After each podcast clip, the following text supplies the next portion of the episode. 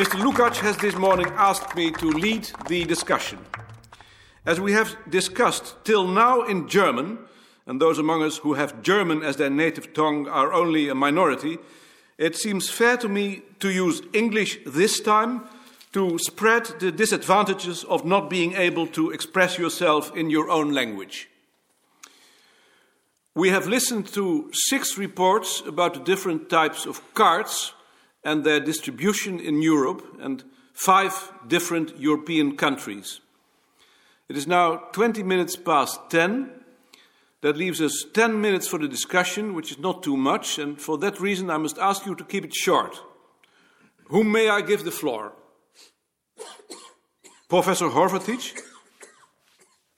Was wir soeben gehört haben, bestätigt, was ich schon gestern anlässlich der ost- und südeuropäischen Beiträge über die Wiege gesagt habe. Die ganze Beitragsreihe von heute ist von neuem ein Beweis dafür, dass wir mit unserem Atlas auf dem richtigen Wege sind und dass es sehr wohl möglich ist, auch wenn hier und da die traditionellen Kulturen schwer aufzudecken sind, um das Bild der tausend und vielleicht mehr als tausendjährigen Kultur Europas zu rekonstruieren. Das Einzige, was wir brauchen, ist Ausdauer und die Überzeugung, uns einzusetzen für ein solches großes Unternehmen im Dienste der Wissenschaft. Und zu dem niederländischen Korreferent von gestern möchte ich darum ganz freundlich und ohne jedem Ärger sagen, dass er noch lernen soll, das Wichtige vom Unwichtigen zu trennen, so wie das gestern und heute auch den anderen Einleitern gelungen ist. Thank you, Mr. Horvatich. To my regret, the Dutch co-referent to the cradle cannot answer you now because we are discussing the card, but he certainly will think about it. Is there also somebody who wants to discuss the card? Ik was razend. Dat was niet te merken. Gewaard ijzig kalm. Dieser Mann irrt nur sich selbst. Den hätten Sie nie zum Vorsitzenden wählen dürfen. Was ik maar gekozen. Ja, auch das. In Nederland zou zo'n man al lang afgezet zijn. In België ook. Es gibt nicht einmal eine Satzung, welche so etwas möglich macht. Er benimmt sich, als ob er vom lieben Gott ernannt worden sei. En als we nou vanmiddag bij de slotdiscussie eens voorstelden om van nu af aan het bestuur te kiezen. Dann machen Sie nicht mit. Dat zou ik jullie toch echt afraden. Beperk je nou liever tot zakelijke kritiek. Dit is zakelijke kritiek. Als een voorzitter niet deugt, dan moet hij afgezet worden.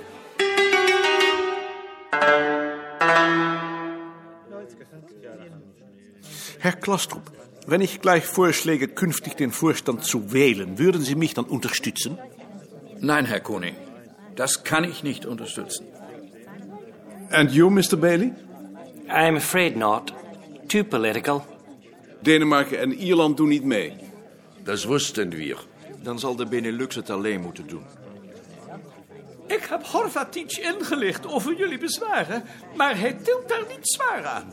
Dat wird zich Hij hoeft, zeigen. hij hoeft niet bang te zijn, want we staan alleen. Und jetzt sind wir schon wieder bei unserer Schlussdiskussion angelangt und ich glaube, wir können alle zufrieden sein über alles, was wir die vergangenen Tage zusammen erreicht haben. Wenn ich denn auch jetzt die Gelegenheit dieses Forums benutze zur allgemeinen Beratung und Diskussion, dann tue ich das in der Erwartung eines ruhigen und konstruktiven Gedankenaustausches zwischen gleichgestellten Mitarbeitern eines wissenschaftlichen Unternehmens. Entschuldigen Sie, Herr Professor.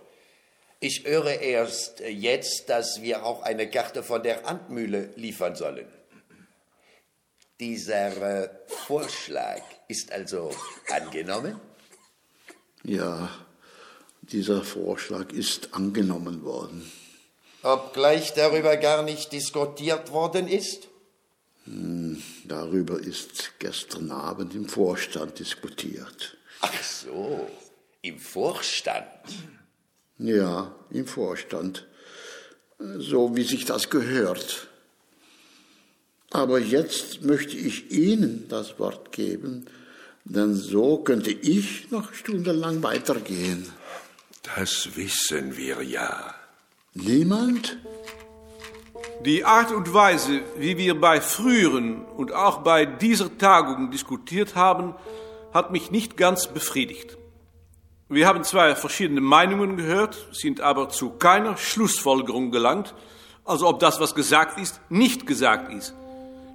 Ich möchte darum vorschlagen, dass wir die Referate einen Monat vor der nächsten Tagung zugeschickt bekommen, damit wir hier wirklich vorbereitet diskutieren können. Ich bin ganz Ihrer Meinung. Alles kann immer besser. Nur ist es leichter, so etwas zu wünschen, als zu verwirklichen. Herr Kollege Günther Mann? Ich weiß aus Erfahrung, wie schwer es ist, vom Referenten das fertige Referat im Voraus zu bekommen. Aber vielleicht wäre es möglich, dass die Bearbeiter eines Themenbereiches zwischen den Sitzungen etwas öfter mit dem Vorstand zusammentreten, damit sie ihre Themen weiter diskutieren können.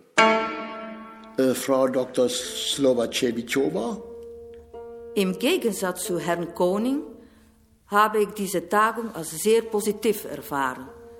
Ich glaube, es wäre besser, was wir uns in dieser Diskussion beschränkten auf die Punkte, welche Professor Horvacic in seiner Einleitung berührt hat. Bevor wir das tun, möchte ich doch wissen, wie der Vorstand dem Vorschlag von Güntermann gegenübersteht. Ich werde noch einen Schritt weitergehen und fragen, ob es nicht angemessen wäre, wenn alle solchen Bearbeiter eines Themenbereiches für die Zeit ihrer Tätigkeit Mitglieder des Vorstandes wären. Mir scheint es manchmal, als wären der Vorstand und die übrigen Mitarbeiter durch eine Kluft getrennt. Nicht im Prinzip, aber doch in der Praxis. Ganz formal gesehen ist es jetzt so, dass wir nach Richtlinien eines Gremiums zu arbeiten haben, das wir nicht selbst gewählt haben, das aber Beschlüsse fasst. Das wirkt hemmend auf die Aufnahme neuer Ideen. Was man wünscht, ist nicht immer das, was möglich ist. Die Selbstständigkeit des Vorstandes ist eine historische, gewachsene. So hat Erik Sirgotson das gewollt, als er 1937 dieses Gremium gründete und so sollen wir in seinem Geiste weiterarbeiten, jeder mit unseren eigenen Aufgaben. Wir im Vorstand haben unsere Aufgaben. Sie als Mitarbeiter haben die ihrigen und so soll das bleiben. Dann werde ich es anders formulieren. Ähm, das Problem ist, dass wir als Mitarbeiter keinen Vorstand haben, den wir gewählt haben und der die Beschlüsse, die wir gefasst haben, ausführen kann.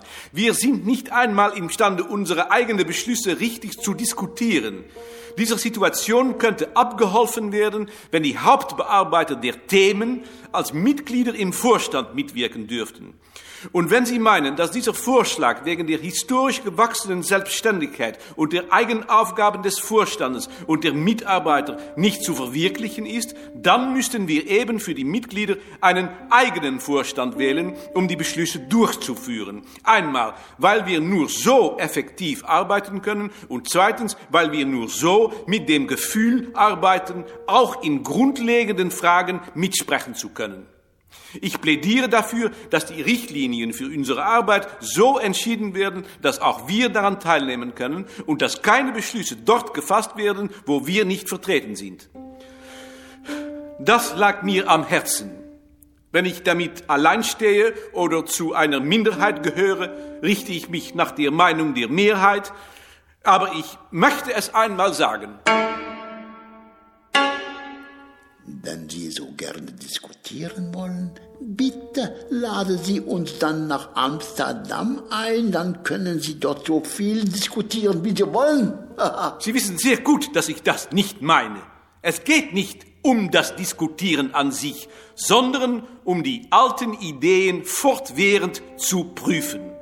In unserer Organisation geschieht das leider nicht. Ich gebe zwei Beispiele, leider aus meiner eigenen Erfahrung, aber jeder von uns kann sie übersetzen in die seinige. In Stockholm habe ich vor zwei Jahren gezeigt, dass eine Karte der Weihnachtsbaumes kein Bild gibt von einer weit zurücklegenden Vergangenheit, sondern eine Momentaufnahme in einem rezenten historischen Prozess ist. Und doch steht mein Name noch immer auf der Liste der Bearbeiter, als ob ich nichts gesagt hätte. Gestern habe ich einen gleichartigen Standpunkt verteidigt bei der Karte der Wiege. Und auch jetzt geht es weiter auf dem alten Wege, als ob nichts gesagt worden ist. Ich kann mich irren. Natürlich kann ich mich irren. Aber doch nicht ohne Diskussion. Da liegt mein Vorwurf. Ich sage es anders.